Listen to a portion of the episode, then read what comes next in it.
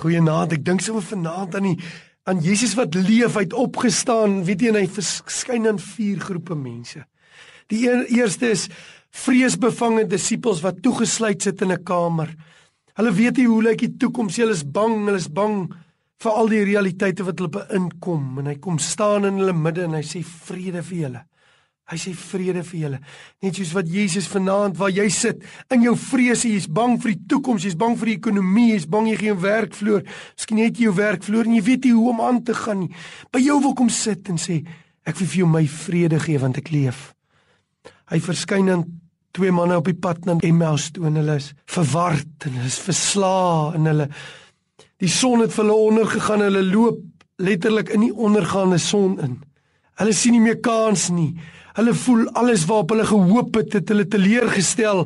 Hulle voel soos baie mense vandag sit teleurgestel deur die kerk, deur kerkleiers, deur mense wat beloftes gemaak het en nie waar geword het of nagekom het nie.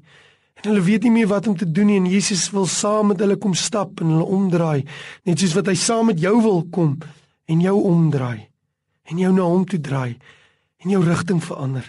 Of hy kom soos by Thomas en hy kom verskyn aan iemand wat nie meer kan glo nie. Hy het gesien hoe Jesus sterf. Hy kan nie glo dat Jesus leef nie. En Jesus kom staan langs hom en sê kom, ek lewe regtig. Net soos wat jy, jy's miskien 'n student en jy's stikkend geslaan deur teksboeke wat eintlik vir jou probeer bewys dat die Here en die Bybel nie die waarheid is nie. En die Here wil langs jou kom sit en vir jou sê ek leef. As jy net vir hom sê Here, wys vir my wie U is soek hom. Die Here wil langs jou kom sit soos wat hy langs 'n verslaa Petrus gaan sit by die meer van Galilea. Hy weet die volgende gebeur toe die engele aan die vroue verskyn.